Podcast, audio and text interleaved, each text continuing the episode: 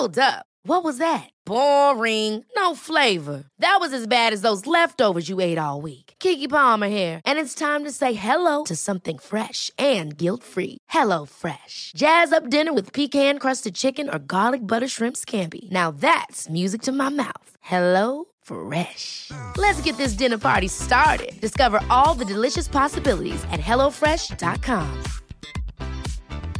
It's that time of the year. Your vacation is coming up. You can already hear the beach waves, feel the warm breeze, relax, and think about work. You really, really want it all to work out while you're away.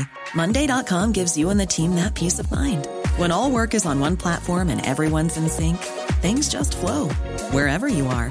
Tap the banner to go to Monday.com. Hey, it's Ryan Reynolds, and I'm here with Keith, co star of my upcoming film, If, only in theaters, May 17th. Do you want to tell people the big news? All right, I'll do it. Sign up now and you'll get unlimited for $15 a month in six months of Paramount Plus Essential Plan on us. Mintmobile.com slash switch. Upfront payment of $45 equivalent to $15 per month. Unlimited over 40 gigabytes per month. Face lower speeds. Videos at 480p. Active Mint customers by 531.24 get six months of Paramount Plus Essential Plan. Auto renews after six months. Offer ends May 31st, 2024. Separate Paramount Plus registration required. Terms and conditions apply if rated PG. Kan mennesket høre fra Gud? Velkommen til Tore og Tarjei, en podkast fra dagen. Og dette her er jo nesten ei begivenhet, eh, Tarjei Gilje. For her sitter jeg, Tore Hjalmar Skjærvik, og du. Eh, faktisk i samme rom. Ja. Lenge siden sist. ja, det, det har skjedd før, for å si det sånn, men det begynner å bli litt eh, tid siden, ja. Ja. Men eh, vi syns det er hyggelig, og vi syns eh, det er ekstra hyggelig at vi i tillegg har fått besøk, og det er av eh, deg, Andreas Nordli, daglig leder, eller leder i Ungdom i oppdrag, heter det. Velkommen. Takk for det. Eh, Jeg skal bare eh, være så ærlig og si det til å begynne med at vi har gjort et forsøk med deg før, eh, på at du skulle være med i podkasten, men der strakk ikke min tekniske kompetanse til. Sånn at det opptaket ble du satt vel i garasjen utenfor huset mitt, tror jeg, og vi skulle følge koronareglene. Ja. Og så var ikke det der, det, gikk, det var ikke så lett. Nei, så, sånn at vi, vi måtte rett og slett vente til du fikk en ny anledning. Og den baud seg nå om at du skulle en tur til, til Bergen, og det er vi veldig glad for.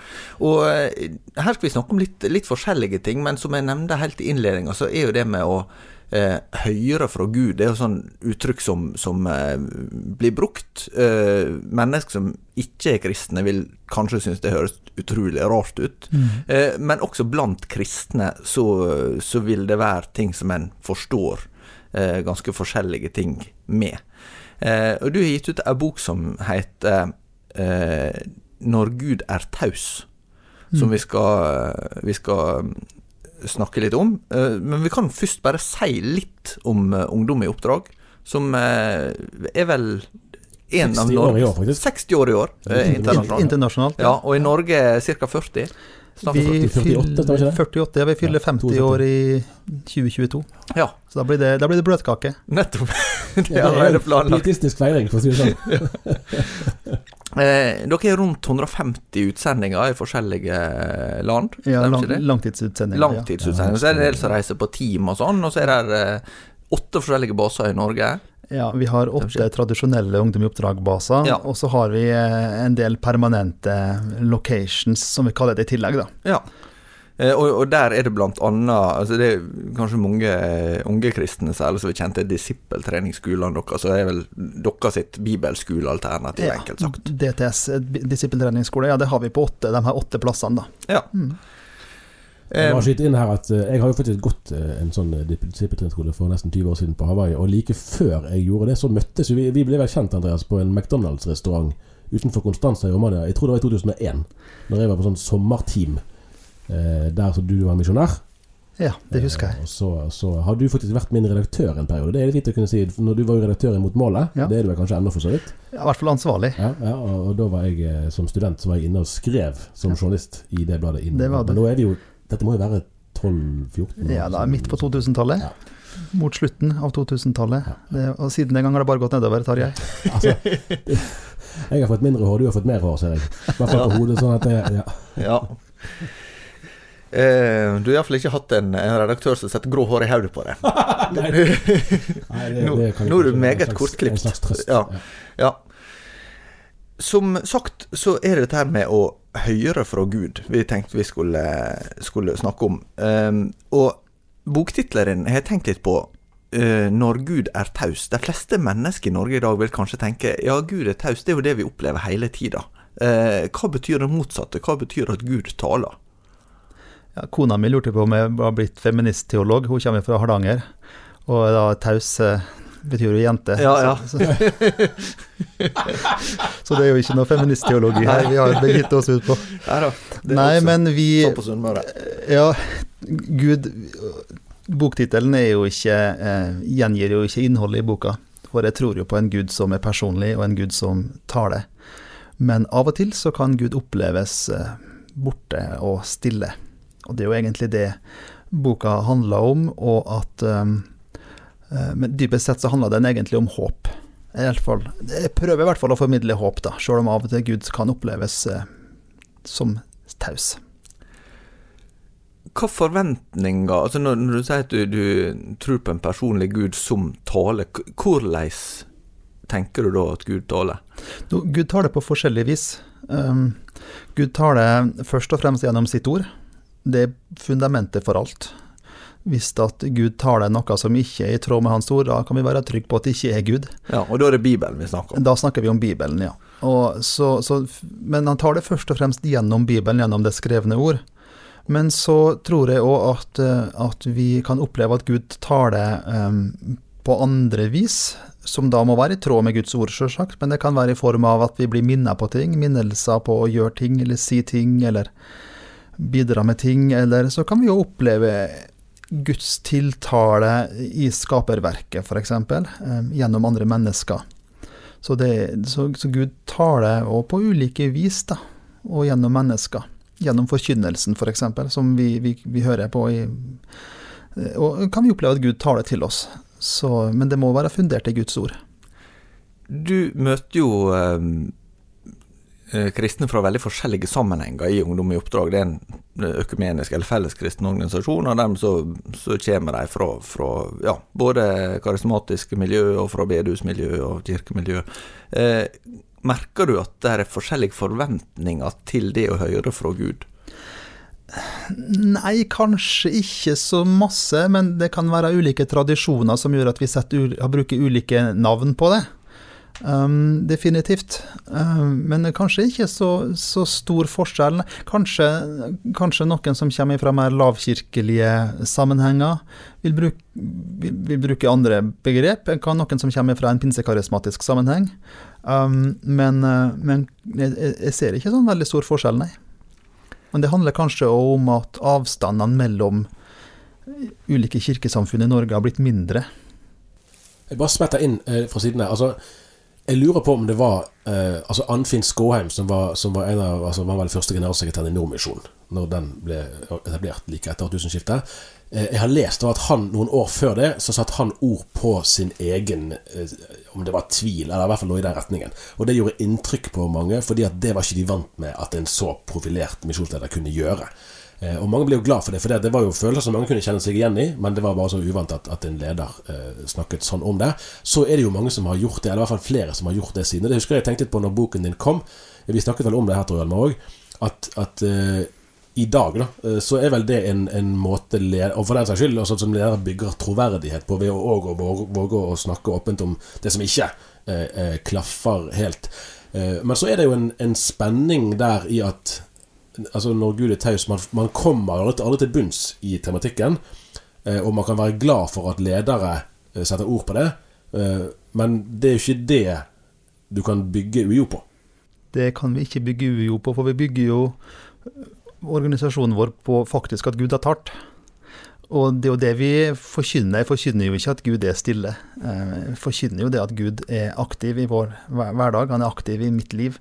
Han er aktiv i alle kristnes liv. Eh, og så føler vi det, opplever det i større eller mindre grad i perioder. Men, men, eh, men, eh, men vi tror jo at, og vi opplever at Gud tar det til oss. Hvordan er du sjøl, hvis du snur deg og ser tilbake, nå er du ja, nærmere slutten på 40-åra? Midt i 40-åra. Midt i 40-åra. Eh, hvor, hvor eh, vil du si at du har sjøl erfart at Gud er talt inn i ditt liv? Det, vi, vi sier gjerne i Ungdom i oppdrag at det finner vi best ut av å se i bakspeilet. Du ser tilbake, eh, og så kan vi se at eh, jo, det var, det var Gud. Og, og det kan, du, kan, vi oppleve på, på ulike vis. Men, men, vi har jo opplevd å bli minnet på ting, skal gjøre ting um, som vi kan se tilbake på og si ja, men det, det, var, det, var, det var, var, Gud. Um, I både små ting, men også i store ting. Og så kan det òg være enkelte historier hvor vi trodde kanskje at Gud hadde sagt noe til oss, men så ser vi i etterkant at det var bare en veldig god idé. Og dette var dette. Så det er på en måte Men jeg tror det at etter hvert som vi vokser med Gud, og vokser i kjennskap til Gud, så Ja, vi, vi, vi, tror jo at du kan kjenne Gud. Ikke fullt ut, sjølsagt, her, men, men, du kan bli kjent med Gud, og bedre kjent med Gud, og det blir vi først og fremst gjennom lydighet. At vi er lydige i, i små ting og store ting og vandre i lydighet hver dag, um, og prøve å følge hans ledelse, så, så tror, er det noe med modenheten nå som en da vokser i, at en gjenkjenner mer Guds stemme, da. Som, eh, som en integrert del av livet. Ja. Men betyr at eh, altså, Noen vil kanskje forvente at skal, skal jeg snakke om å høre fra Gud, så må det være noe litt ekstraordinært. At, at en eh, eh, opplever noe som er veldig spesielt, eller overgår det naturlige. Men sånn som du beskriver, så kan du få inntrykk av at du, du tenker dette her er ikke alt alltid sånn uh, at det virker så spektakulært, nødvendigvis.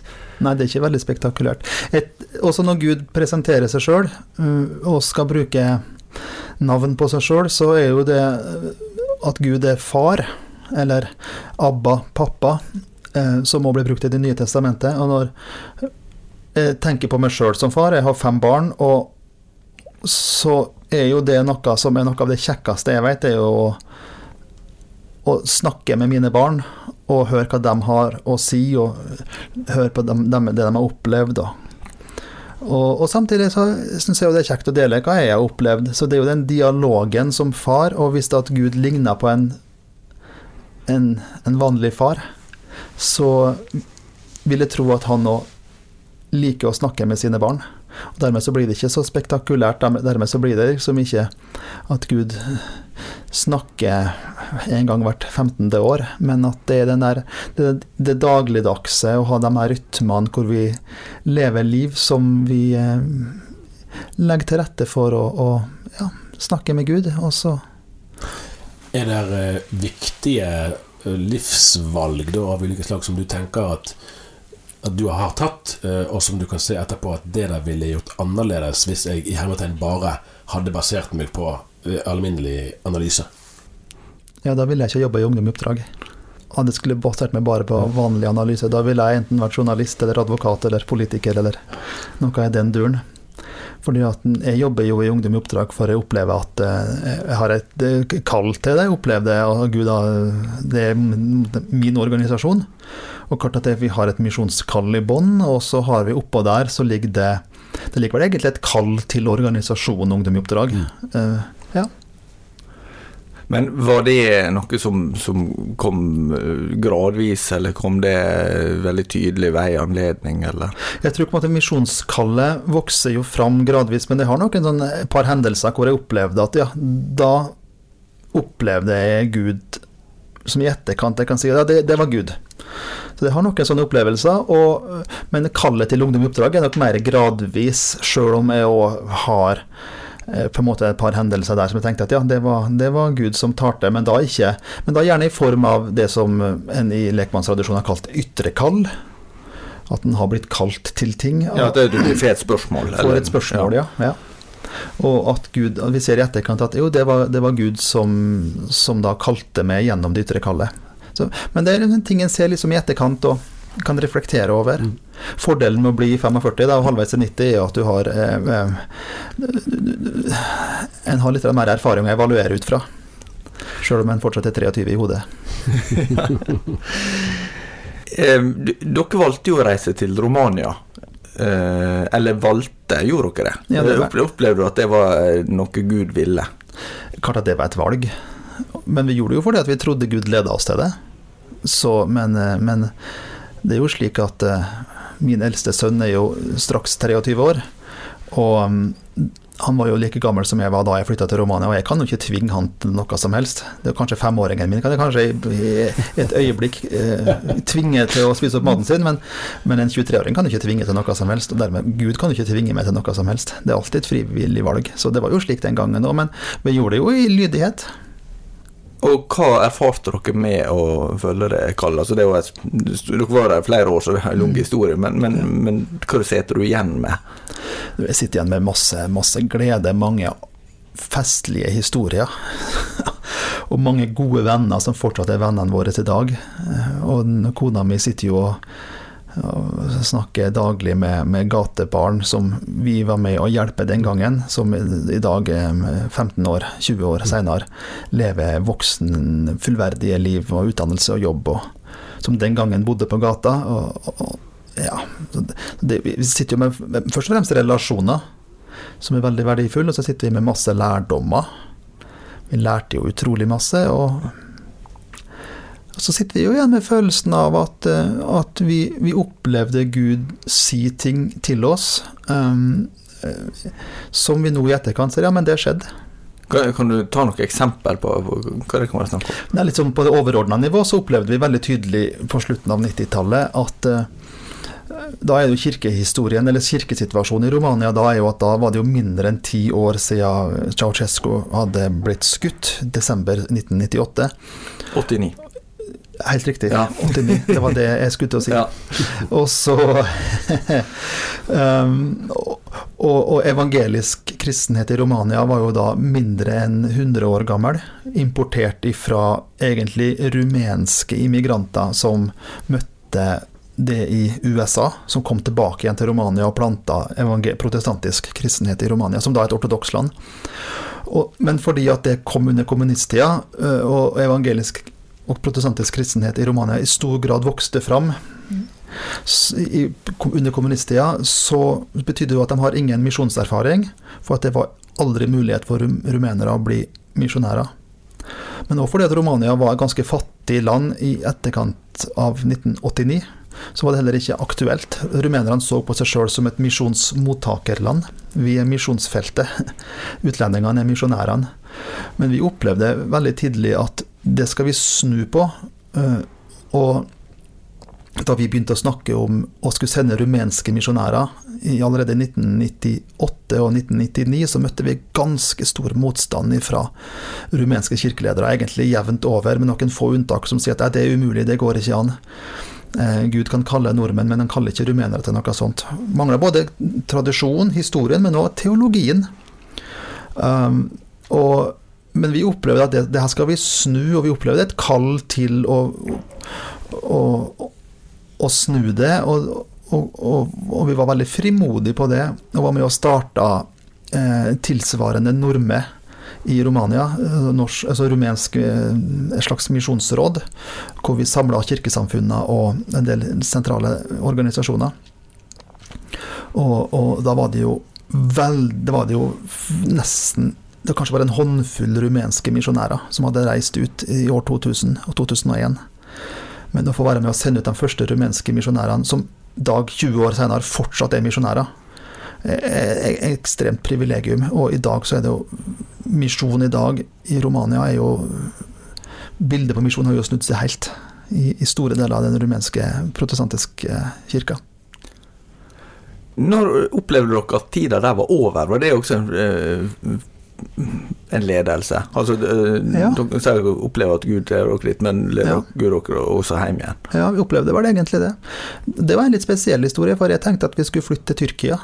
Eh, det var på en måte min, min, min måte, tanke. Og, for vi opplevde ganske raskt at vi skulle ikke være i Romania eh, i mange år. Så vi, jeg dro flere ganger til Tyrkia for å se på ulike plasser og byer, og tenkte vi skulle finne en by med så mange mennesker som mulig, men så få kristne som mulig, for å kunne starte menighetsplantning da, blant muslimene der. Men, eh, men, det var vel slik at eh, da vi opplevde at tida vår i Romania nærma seg slutten, og, og vår eldste mann skulle begynne i førsteklassen, så, så las jeg, las en biografi eh, av, om, om Tormod Vågen, som var generalsekretær i, i det som da heter Kinamisjon, NLM. Norsk Luthersk Misjon sammen. Yes, las biografien hans, og hvor han jobba med, å- med misjonskall til Kina, og endte opp med å bli generalsekretær for, for Misjonssambandet istedenfor. Og uten at jeg visste hva som skulle skje da jeg leste den biografien i 2002-2003, så var det vel slik at jeg opplevde at Gud sier at eh, ja, reis til Kina, jeg skal velsigne dere, men flytt tilbake til Norge, jeg skal velsigne dere. Og så, eh, så vi opplevde vel egentlig den ledelsen, Flytt tilbake til Norge og være med og, og promotere misjon, mobilisere til misjon, trene nordmenn til misjon, sende ut nordmenn i misjon. Så det var det vi har vært, da. Og så skjedde det underveis her at du, du Du var jo ikke leder for Ungdom i oppdrag til å begynne med, men, men eh, du ble det. Eh, og så hadde dere en base i Trøndelag som, eh, der det gikk litt tungt. Ja, det var Ungdom i oppdrags første eiendom i Norge, det, som vi fikk eh, gratis i 72. Og da jeg tok over som leder for Ungdom i oppdrag i 2009, så, så sto den basen uten langtidslederskap, og med veldig få stab. Um, og da, da opplevde Da hadde vi egentlig to Vi hadde spurt flere om de ville bli ledere, alle hadde sagt nei. Og så sto vi egentlig da og måtte legge ned og selge unna den eiendommen. Men da opplevde vel det av eh, ledelse på at vi skulle flytte til Trøndelag og bruke ett og et halvt år der oppe for å prøve å revitalisere arbeidet. Eh, Men det gikk jo ikke, da. Og hva tenker du da i etterkant om det? For no noe vil si at hvis dette var Guds vilje, så burde det vel gått bra. ja, det, det gikk jo det, altså, altså det gikk jo bra på et vis, fordi at vi hadde et fint altså, vi, vi, vi gikk jo bra med oss, men med arbeidet så gikk det jo ikke så bra. Det, vi, vi solgte jo unna den eiendommen, eh, og vi hadde det ganske vanskelig også, som, som personlig der oppe, for at, ja, av ulike årsaker. Eh, Men var det Gud som talte den gangen, eller var det ikke Gud som talte? Var det bare en god idé som i etterkant viste seg å være en ikke så god idé? Ja Jeg har vel ikke noe svar på det. Det lever jeg ganske godt med. Møter du mange ungdommer som, eh, som syns dette er utfordrende? Nei, ikke mange ungdommer, men jeg møter mange 30-åringer. ikke mange, men når du er ung, så, så Det er jo slik at når du er fra 16-17 til du er kanskje 25, så er du idealist. Du skal forandre verden.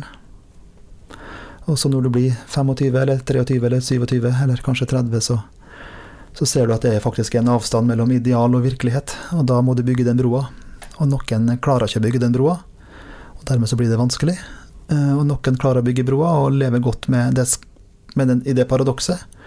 Og så er det noen som ikke klarer å bygge broa, og da forholder, forholder de seg ikke til realiteten og, og leve igjen. Ja, hva utslag det kan få hvis en ikke greier å bygge den brua? Nei, altså, det er jo noen som, som selvsagt eh, har jo venner som, som eh, ikke klarer å tro på Gud, fordi at uh, ideal og virkelighet henger ikke sammen. Eh, Så har det andre som noen få, har en, særlig en jeg tenker på, da, som sier at ja, jeg tror på Gud, jeg klarer ikke å slutte å tro på Gud, for det er mest logisk at det finnes en Gud. Sånn rent intellektuelt så det, kreves det større tro å være ateist enn å være teist, sier han. Men jeg tror ikke at Gud er god. Jeg tror ikke Gud egentlig bryr seg. Og det er han på en måte det lever han greit med, så han, han bryr seg heller ikke om Gud. Men er det en som har vært med i Ungdom i oppdrag tidligere?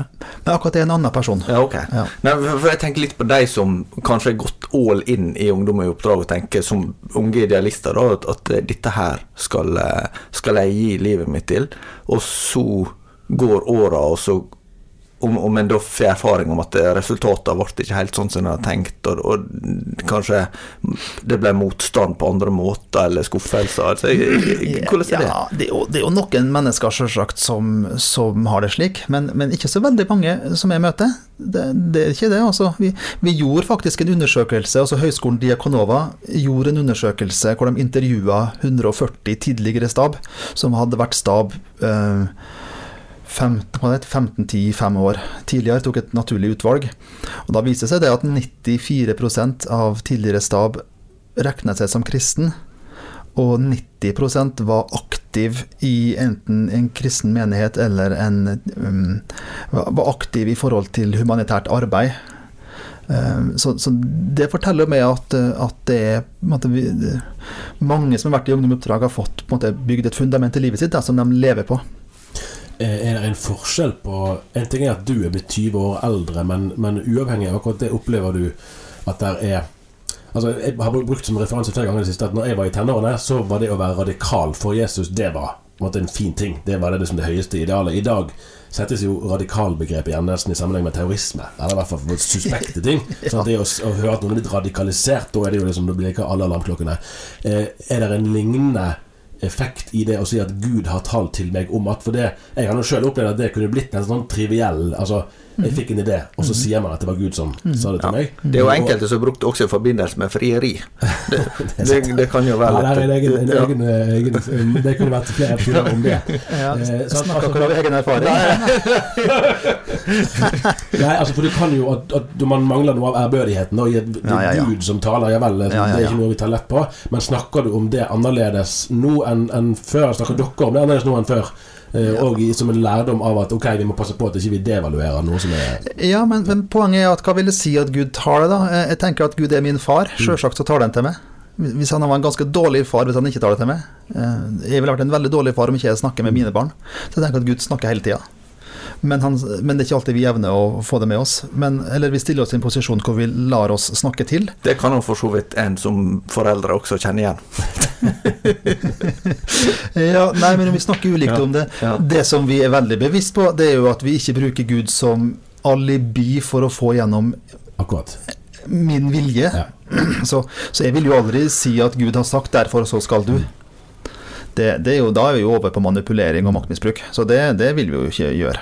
Og det tror jeg Men er det, er det en del av undervisningen f.eks. på DTS-er da at ja, vi tror at, at Gud kan tale til oss konkret. Og, og, altså Sånn som man snakket om misjonskall i, i gamle Ja, ja, ja. og At du er kalt til Etiopia, du er kalt til Kina. Ja. Eh, men at det er noe man må forholde seg til med en, en ganske stor dose ydmykhet. Er det på en måte, eller kommer det ah, liksom, eh, som en generell sosialisering i miljøet, eller er det noe man dere liksom systematisk må, må Nei, undervise om? vi må, vi må undervise om det, eh, sjølsagt. For at du, hvis at du ikke har en ydmyk tilnærming til at Gud tar det til oss, så, så er det fare på ferde.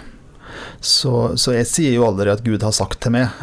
Jeg kunne si det før, kanskje, men uh, i dag så vil jeg kanskje sitte og lure på, muligens, kanskje, at jeg kanskje har i et godt øyeblikk ble minnet på at muligens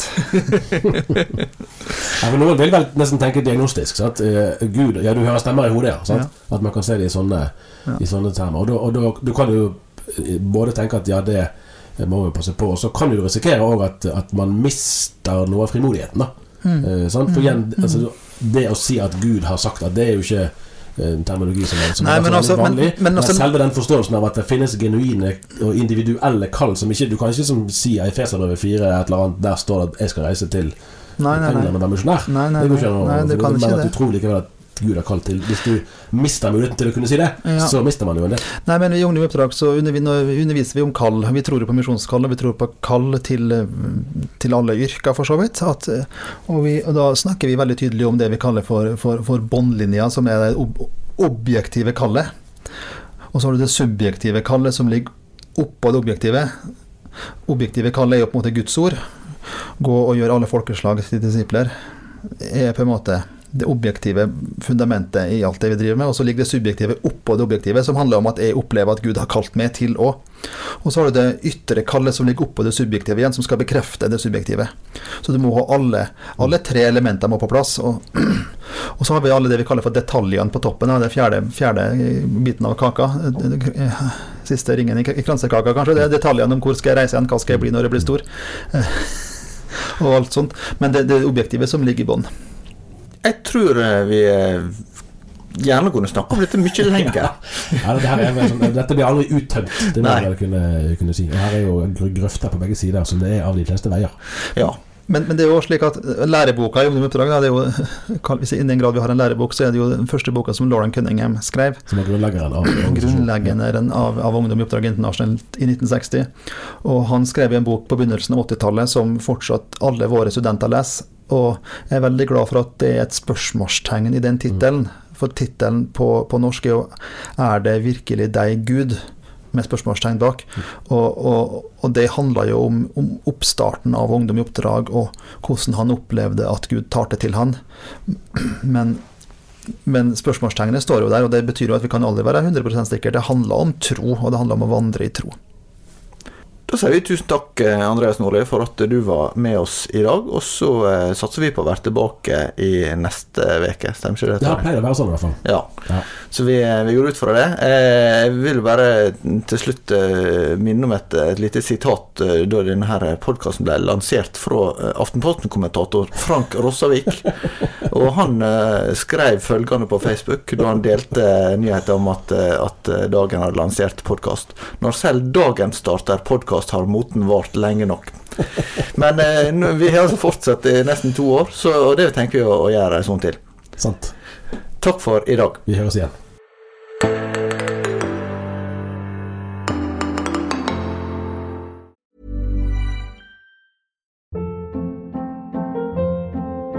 Hold up. What was that? Boring. No flavor. That was as bad as those leftovers you ate all week. Kiki Palmer here, and it's time to say hello to something fresh and guilt-free. Hello Fresh. Jazz up dinner with pecan-crusted chicken or garlic butter shrimp scampi. Now that's music to my mouth. Hello Fresh. Let's get this dinner party started. Discover all the delicious possibilities at hellofresh.com.